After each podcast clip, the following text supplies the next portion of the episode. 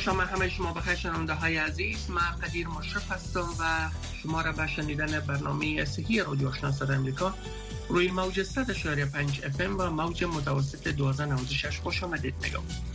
هدف از برنامه آگاه ساختن شما شنونده های عزیز درباره بیماری های مختلف و راه های جلوگیری و پیشگیری کننده است. بیشتر اوقات دکتر صاحبایی که در این برنامه امر ما حضور داشتن ما تلاش نکردیم که به شما نسخه بتیم ولی تلاش ما این بوده تا در نگرفتن نسخه شما را کمک کرده باشیم. شنونده های عزیز شما همه در جریان هستن که شیوع ویروس کرونا موج تازهش در هند بیداد می‌کنه و هند بیشترین رقم مبتلایان در هفته گذشته داشته. بیشترین رقم مبتلایان در یک روز از یک هفته به این طرف ثبت می‌کنه. و شمار تلفات ناشی از ویروس کرونا در هند روزانه به بیش از 3500 تا 4000 نفر هم رسیده. تلاش جامعه جهانی همیسته تا هند در مبارزه و مهار یا حداقل فروکش کردن شوی ویروس کرونا کمک بکنه. ایالات متحده هم کمک های خود اعلام کرده و سایر کشورها هم در قسمت همیاری و همسویی با کشور هند تلاش های خود ابراز داشتن از نگرانی که ما را واداشت در این برنامه موضوع کووید 19 در هند اختصاص بدیم و جاگزین بسازیم. ایست که رقم به شماری از افغان ها در هند زندگی می‌کنن به دلایل مختلف اینا در اونجا اقامه دارن برخشان اقامه ندارن برخشان افغانستان نمیرن برخشان افغانستان رفتن نمی‌تونن نظر به گزارش هایی که ما داشتیم.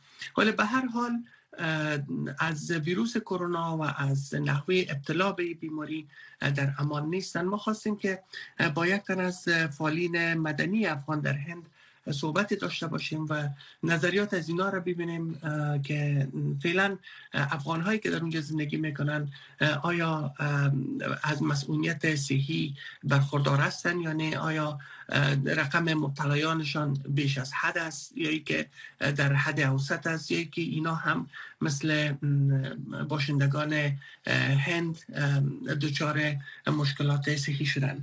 در برنامه امشب جناب آقای نصار احمد شیرزی در برنامه با ما مهمان هستند. شیرزی سلام با خدمت شما به برنامه خوش آمدین. روزان نمازتان قبول شامتان بخیر. ممنون.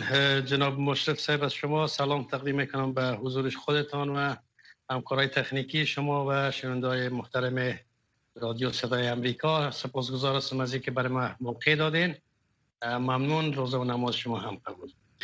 شیرزای صاحب در قدم نخست اگر یک کمک در مورد وضعیت مهاجرین افغان در هند با شنونده ما صحبت بکنین به ویژه در سایه ویروس کرونا نظر به مشکلات اقتصادی و اجتماعی که در این کشور افغان ها با دست و گریبان هستند با این شیوع سرسام‌آور ویروس کرونا وضعیت چه قرار است؟ مشرف صاحب افغان ها خب از طول سالهای متمادی در هند بنابر اونم و مشکلات وطن زندگی می‌کنند. باعث مهاجر همه افغان ها ثبت و راجستر سازمان پناهندگی ملل متحد هستند.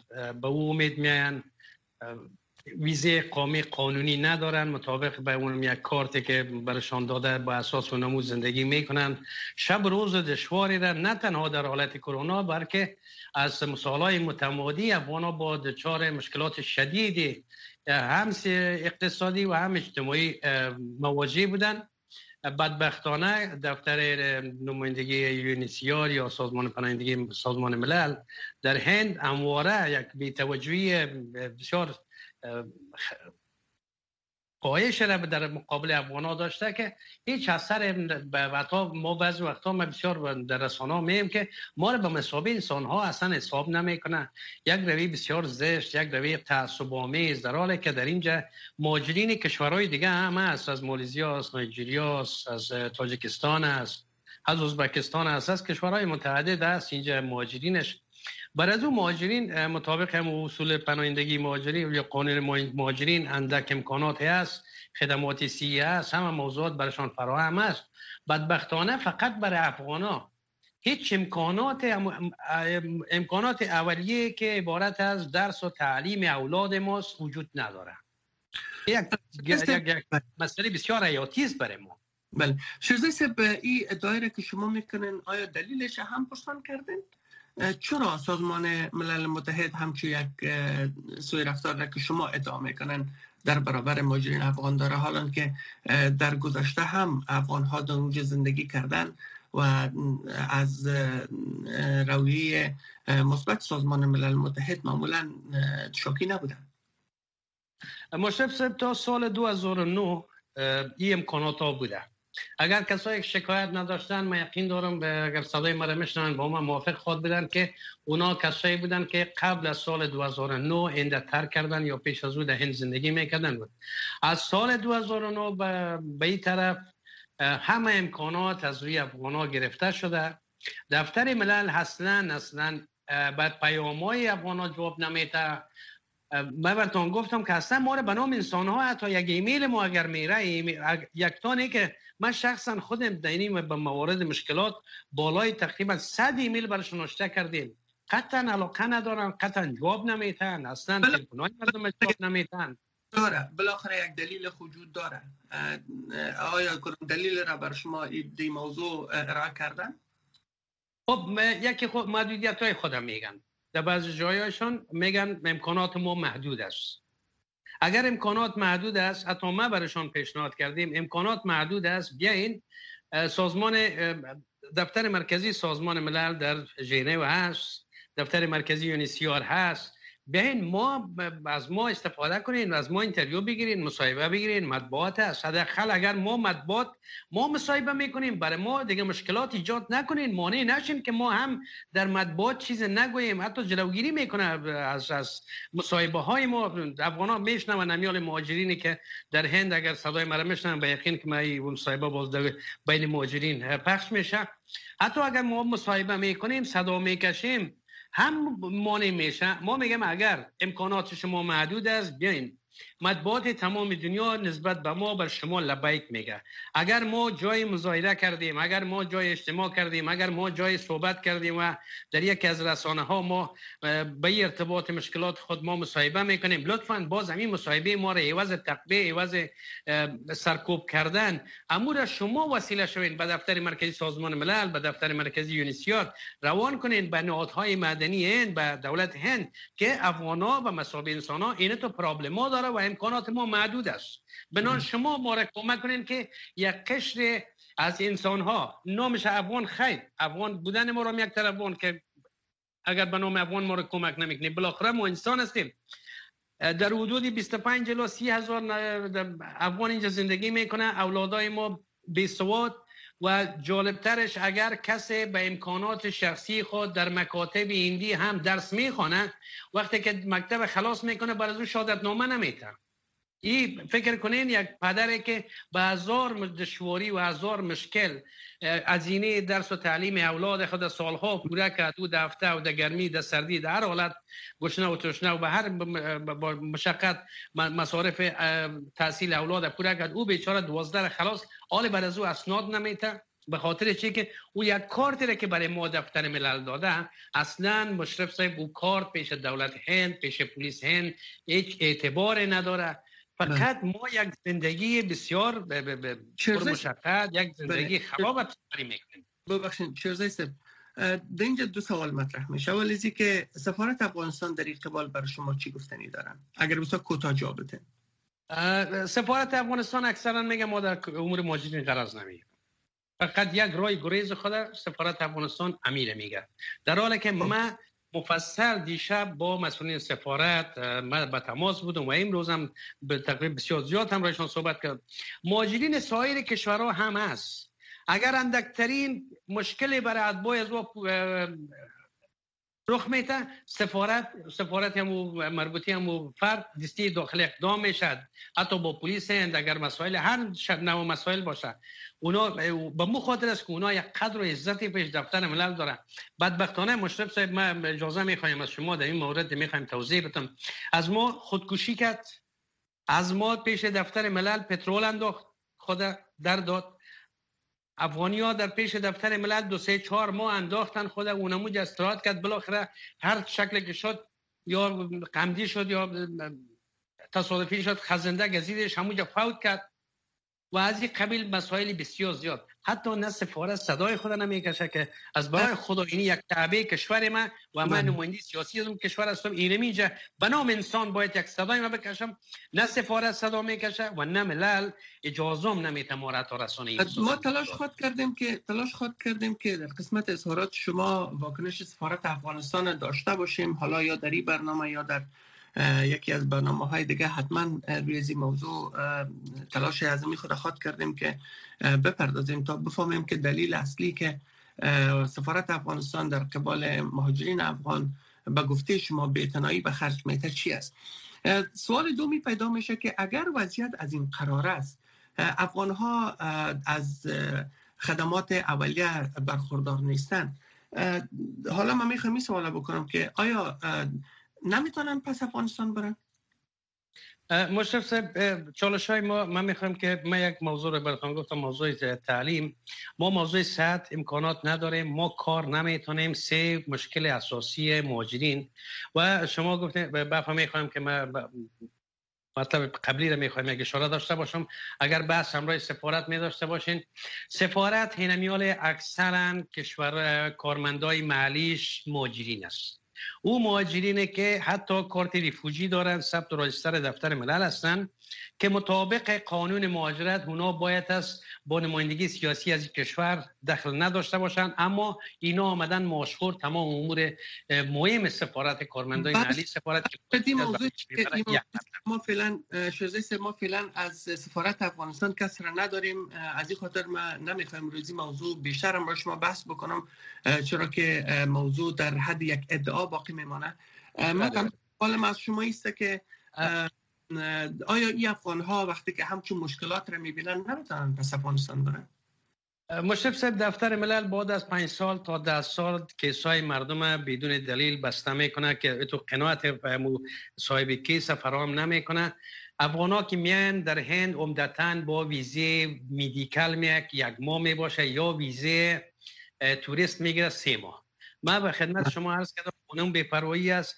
وقتی او کارتی که دفتر ملل بر از اینا میته در طول سالها با اون کارت اگر می باشه اعتبار نداره. هرگاه بخواین افغانا با این میالت انمیال یک تعداد زیاد افغانا گروگان هستن اینجا. اگر بخواین برن اینا با یک جریمه بسیار گذاف مواجه میشن چون اقامت بدون ویزه داشتن. کارت دفتر ملل که از سالها برش داده چون اعتبار نداره پیش دولت هند و پلیس هند بناهن یاره در جمله اقامت غیر قانونی یا اقامت بدون ویزا حساب می‌کنن. نرم بینالمللی هم از دی ارتباط. باز در اون نرم میاین مطابق چندین سالی که بوده برای زنا یک جریمه. و بدبختانه این جریمه قبلا بود به نهایتش از دو سال بالا به امو بلندترین ارقامش به 20 هزار فی نفر. با تاسف یک ماه قبل آمد عنی فتمر وزیر خارجه به هند مشرف صاحب ما امروز شما صحبت های دیگه هم داشتیم. افغان ها می‌فهمند که ما به حد از طریق رسانه این موضوعات تلاش کردیم. وزارت خارجه را وزارت مهاجرین تا شخص رئیس جمهور افغانستان این مشکلات رساندیم که یک تعداد افغان ها اینجا گروگان ماندن. شما با دولت هند صحبت کنین. این سالانه میلیون ها دلار به افغانستان کمک می‌کنه. دوست استراتژیک افغانستان است. در کنفرانس ژنو 3 میلیارد دلار بلندترین رقم به افغانستان تعهد کرده. موضوع جریمه ما که یک موضوع بسیار معمولی است. این اگر شما بحث کنین مذاکره کنین امیر می‌تونه که عفو کنه افغانا را چون افغانا بیچاره از مجبوری آمدن حال کسشون بسته که میرن گروگان مونده اینا بر علاوه که توجه نکرد انیف فتمر آمد میجا چند روزه بود ما بسیار مطمئن بودیم که در این ارتباط انیف فتمر چون شخصا زیر خودم همه مسائل رسیده برشان. صحبت می‌کنه با رفتن انیف فتمر این جریمه از 20 هزار به 50 هزار افزایش یافت. بله. شما فکر کنین یک فامیل خب، هفت نفر شش نفر نفر 50 یعنی هزار از کجا کنه از کار پا جریمه بده بله شرزه بیان نظر به پول که پول گذافه که افغان ها باید بپردازن اینا نمی‌تونن که هنده ترک بکنن بله, بله. بله. امیدوار که ما زودی بتانیم حداقل در طول هفته با یک تن از نمایندگان سفارت افغانستان صحبت داشته باشیم. من امروز تلاش زیادی کردم ولی متاسفانه که ارتباط ما با یکی از اعضای سفارت تامین نشد که بتانیم پاسخ دی ادعاهای شما را داشته باشیم. ولی به شنونده های عزیز وعده میتیم که بدون شک ما در اسرع وقت با یک تن از مسئولین سفارت افغانستان هم صحبت های خود داشتیم و پاسخ از اونها را در این رابطه پرسان خود کردیم. خب شرزای وضعیت افغان را که شما به عنوان یک فعال مدنی از شما آگاهستن با ویروس کرونا به چی وضعیت است؟ با توجه به این وضعیتی که شما دارن چقدر زیاد از دست دسترسی افغان ها به خدمات صحی فراهم است با ایشیوی آور ویروس کرونا؟ مشرف صاحب خدمت شما و شنده محترم رادیو اطلاع بتم که امو بیپروایی که تابال تشریح کرده رفتیم باعث شده که ما اندکترین امکانات سیر هم نداشته باشیم ما دیگر از هم گفتم افغان در مجموع مردم می‌فهمند ما در یک حالت انزوا قرار گرفتیم از شروع قرنطین تا به حاله هیچ نهاده و هیچ ارگان ما اندکترین کمک نکرد صرف در شرایط کمی نرمال می باشد شفاخانه های هند اگر میریم مانند دیگه ایندیا ما را میپذیره مشکل نداره. یا یا از پول شخصی به شفاخانه شخصی مراجعه کنیم که از توان هیچ مهاجر نیست و مصارف گذاف داره. در شروع در حالت کرونا و قرنطین ها افغان ها همشان در خانه های خود بند ماندن افغان ها کاربار ندارن. مشرف صاحب افغان ها چون کار رسمی برای ما اجازه نیست. عمدتا افغان ها شب روز خود با اون مریضایی که از افغانستان می کاربارشان مصروف اونوست. میرن امرایشان یک خانه پیش دکتر یک اندازه یک پول درست. به ترجمانی برشان میته با اونمو پول گزارش شب روز به یک شکل پیش می‌برن یا اندکترین مردمشان در دکان های ایندیا با مزد بسیار ناچیز با بسیار اقارت حتی کار می‌کنن. بله. این مشکلات آقای شزده آیا رقم مشخص یا تخمینی وجود داره که از افغان هایی که در هند زندگی می‌کنن تعدادشان به ویروس کرونا ابتلا مبتلانشان چقدر زیاد بوده؟ آیا تلفات در تلفات دو هفته اخیر از افغان ها هم شامل بوده؟ برقام دقیق تامی امروز داریم. بدبختانه و با تاسف افغان های ما 27 ماجر افغان ما تا همی امروز همین لحظه که من برایتون صحبت دارم 27 افغان ما ناشی از این ویروس کرونا وفات داریم. یک معسل و 19 اهل اونود و اهل اونود افغانستان که اینجا آمدن زندگی می‌کنن که بالای چل چل چند نفر میشه. ما فوتی داریم. تعدادی از افغان ها برای دچار ویروس هست. چون امکانات نیست در خانه های خود خودشان تداوی می‌کنن یا شبخانه شخصی خود بسیار محدود کسی اگر امکانات داشته باشه میره عمدتا در خانه های خود به یک شکل زندگی می‌کنن ما روزه قبل با دریافت اکسیژن نهایت مشکل داشتیم. حتی یک خانم با حالت بی حد کوما رسید ما هر قدر حتی سفارت هم از زنگ زدم. جاهای تلاش کردیم که یک بالون اکسیژن ما پیدا کنیم. نهادهای ایندیا هم از زنگ زدم. هیچ امکان بود ما یک دانه بالون اکسیژن پیدا کنیم. بالاخره و همشیره به چی مشکل به یکی از شبخانه انتقال دادیم. حاله. اینی حالت های دشواری است از ما که ما درگیر هستیم. ما براتون گفتم در یک حالت انزوا. حتی یک بالون اکسیژن به ما پیدا شدنش نهایت مشکل است. هند در کل با کمبود اکسیژن دچار است.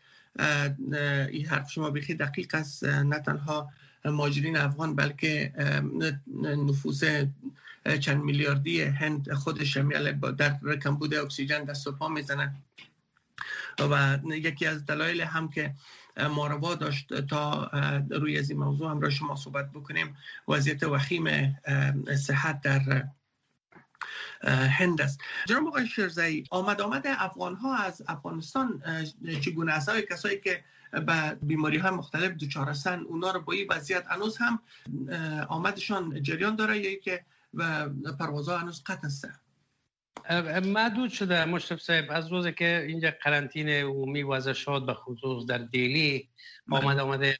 و فقط مریضای نهایت ایمرجنسی و عاجله که باشه اونو میان اما محدود. ای اومد آمده اونا کمتر شدن پروازها کمتر شدن. به خاطر از اینکه شفاخانه های هند مشرف صاحب حالتی است که بستر در شفاخانه وجود نداشت. نداره امیالام در سن شفاخانه چپرکت ها ماندن در پیاده روها. حتی و کسایی که فوت می‌کنن چون اینا مطابق هم رسم مذهبیشان او را با آتش میسوزنن. و ساعت ها منتظر میمونن تا نوبتشان برای آتش زدن معیتشان برسه. یک حالت بسیار وحشتناک است که من حتی ذریع رسانه ها از هموطنان خواهش کردم که اگر کار بسیار مریض عاجل ندارن نبیان حتی اطلاعی از دولت افغانستان هم شنیدیم که نشه شد در این زمینه. که باید از عاجل اگر نباشن نبین به او خاطر آمد آمد ما افغانا در این روزا کمتر است برای. زمانی که یک بیماری به این اندازه شدت می‌گیره ما شاهد از این وضعیت حداقل در آغاز شیوع ویروس کرونا حتی در خود امریکا هم بودیم. به نوعی از آنها یک مشکل یک استراب و یک حالت روانی در نزد انسان ها ایجاد میشه که بیخی یک امر طبیعی است و یکی از مشکلات را که خود ویروس کرونا هم متاسفانه برای مسابین خود ایجاد می‌کنه در پالی سایر اعراض یکی هم امی مسئله استراب یا انزایتی است. از لحاظ با توجه به این مشکلاتی که شما یادآور شدن از لحاظ روانی صحی افغان ها در چی وضعیت هستند؟ اگر در کل دست و پاچگی یا یک حالت خود باختگی آیا خدا که ایجاد نشده باشه؟ در این عرصه تلاش های بین افغان ها وجود داره تا حداقل در همچی یک مشکل یکی دیگر دلداری داد یکی دیگر تعاون کرد در پالی همدیگر قرار گرفت. مشرف صاحب کاملا دقیق افغان در یک حالت استرس در یک حالت پریشانی حتی یک حالت روانی اکثرا پیدا کردن. اکثرا نمیال ما میشنیم برای ما طریق ما فیسبوک بسیار خوب داریم بین خود والین مدنی هند و گروه پای واتساپ داریم. اینجا حرفای از افغان ها میشنیم که تا بدون در بردن تابیت خو خو نمیه دوای بر خاطر بساب می‌خورن. در مجموع یک حالت روحی بسیار خطرناک برای افغان پیدا شده. یک طرف از یک طرف در این حالته که مشرف صاحب دنیا را تهدید کرده این ویروس خطرناک و هند هم تقریبا به یک سونامی و یک فاجعه وجود داره اینجا. و امکانات اندکترین امکانات به افغان نداره. صاحبای خانه کرا می‌خواه پول برق می‌خواین اولاد از اینا نان می‌خواه مصارف خانه. اگر خدای نخواسته کسی مریض شوه این مسائل صحت از اینا چه رقم میشه و هیچ فقط دربار خدا امید دیگه هم نیست. طبیعی است که اینا همش تاثیرات منفی سر رو روان انسان ها داره. از یک طرف از یک طرف توجه وجود نداره. ما با مسئولین وزارت خارجه تماس گرفتیم با مسئولین وزارت مهاجرین تماس گرفتیم. او برادر اینمی ما از حتی پیام دادم برای رئیس جمهور افغانستان که خیر اگر ما از افغانستان خارج هم شدیم بنابر دلایل یا مطابق قانون مهاجرت شما در قبال ما میگن که هیچ مسئولیت ندارین یا سفارتتان میگه هیچ مسئولیت ندارم. اما از لحاظ عاطفی ما بایم کشور هستیم. اگر یک امریکایی در استرالیا برش اذیت شود رئیس جمهور امریکا در امریکا رام نمیشینه اگر یک انگلیس در یک کشور دیگه اذیت شود صدر اعظم انگلیس در کشور خود آرام نمیشینه اما ما تقریبا 25 30 هزار افغان هستیم. رئیس جمهور برش گفتم که در این حالت از لحاظ عاطفی باید از ما متوجه ما باشین باید از ما حمایت شویم. حالت حالت دشوار است حالت حالت بحرانی است. اما وزارت مهاجرین سر وزارت خارجه می‌داده وزارت خارجه و دین زمان یک اظهارات ضد نقیص از مسئولین وزارت خارجه در روزا نشر شد که گویا بر افغانا در یک از های افغانی که گویا بر افغانان نهادهای کمک می‌کنن و این افترا و دروغش که در بین مهاجرین میشه این یک پریشانی دیگه برای مهاجرین میشه. دچار جدی است. بله امیدوار هستم که ما به زودی زود بتانیم با مقامات وزارت خارجه یا وزارت مهاجرین در این مورد صحبت داشته باشیم. من هم نون از پوش زمین مایک می‌تونم صدا بزنم که به زودی ما سر صحبت با مسئولین وزارت مهاجرین و وزارت خارجه در مورد افغانهای مهاجر ساکن در هند صحبت های خود داشتیم. امیدوار هستم که وزارت صحت افغانستان هم با توجه به این وضعیت ناهنجاری که دامنگیر هند است و در او بدون شک مردم مهاجرین افغان هم که در شهرهای مختلف از کشور زندگی می‌کنن از این وضعیت اینا به دور نمیمانند. توجه خود مبذول بدارن تا یک کمک صحی به افغان هایی که در شهرهای مختلف هند زندگی می‌کنن شده باشه. جناب آقای شرزی ما جهان سپاس از شما که در برنامه امروز حضور پیدا کردن تنها نکته را که با توجه به شوی ویروس کرونا هم یکنون از آدرس شما و از آدرس مایک صدا امریکا و مهاجرینی که هم یکنون صدا هم میشون و این مصاحبه نشر میشه. می‌خوایم کسی که تجربه داشته و چند زمان لباس سفید پوشیدیم ای را بگویم که ویروس کرونا با وجود که شیوع سرسام‌آور در هند است ولی قابل پیشگیری است. با شستن دست در مواقع مختلف با پوشیدن ماسک که مهمتر از همه چیز است و نزدن دست که پاک نباشه به چشم و بینی و دهن ای در قدم اول میشه که از شیو و ابتلا به ویروس کرونا جلوگیری کرد. در که آدم از خانه برای و مجبور است کارم از خانه برای ما بارها بارها گفتیم ما بسیار به سادگی میگیم که در خانه بینشینن ولی در بسیاری مواقع بسیار دشوار است که در خانه نشست پشت سودا مبره پشت کار مبره بیرون. از اجتماعاتی که بسیار بیروبار است دوری بجوین و اگر احیانا مجبور هستن که در همچو اجتماعات حضور به هم برسانن حتما ماسک بپوشن و زمانی که پس دوباره خانه من کش کنن لباس که از بیرون آمدن داخل خانه در عصر وقت به شستن پرتنش تا شسته شود.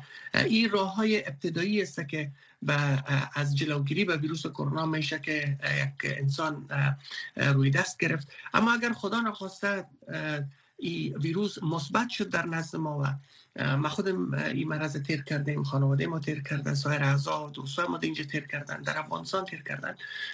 در قدم اول اما روحیتان از دست نکن بیماری هر قدری که روحی از دست داده شود اون اندازه سیستم مافیت پایین میه و باعث ازی میشه تا انسان ها را زیادتر زیر بگیره. و کوشش بکنن که با وجود مشکلات از میوه و ویتامین A و ویتامین های D3 استفاده بکنن که سیستم مافیتی بدن تحریک می‌کنه و در روی حساب مشکل را که بیشتر افراد در مقابل ویروس کرونا احساس می‌کنن و تجربه می‌کنن و بسیار زیاد کاهش میفه دوای درد هر چهار ساعت بعد بهترین راسته برای دوری جستن از دردهای ازلی و سردردی هایی که از این بیماری ایجاد میشه و اگر خدا نخواست مشکل تنفسی ایجاد می‌کنه نستان ایجاد میشه در عصر وقت کش کنن که به شفاخانه برسن تا که برتان اکسیژن داده شد و از مشکل تنفسی در امان بمانند و یک موضوع ما می‌خوایم که به خاطر روشن شدن اذهان مردم و شنوندا برسانم که دولت هند و حکومت هند در قبال مشکلات ما مسئولیت نداره دولت هند رهبری هند مردم هند مردم بسیار خوبی است. دولت هند و رهبری هند از این مشکلات ما آگاهی نداره که ما تلاش داریم از طریق رسانه ها این موضوع را به گوش مسئولین هند برسانیم که دایی اگر از کامیاب هم هستیم بدبختانه موضوع کرونا است که ما در هند از دست دفتر سازمان پناهندگی ملل متحد شکایت داریم و به هستیم. تشکر شیرزای سب زنده باشین. شب شما بخیر. شنونده های عزیز ای بود برنامه شام امروز صحی رادیو شناسات امریکا. شما هم متوجه صحت و سلامتی خودتان باشین. افغانستان هنوز هم دامنگیر شیوع ویروس کرونا با توجه به پوشیدن ماسک شستن دست و دوری جستن از ازدهام صحت خود و خانواده هایتان در امان داشته باشین. من قدیر مشرف همراه با همکارانم از حضورتان مرخص میشم. شام خوش داشته باشین. نشرات رادیو ادامه داره باید رادیو باشین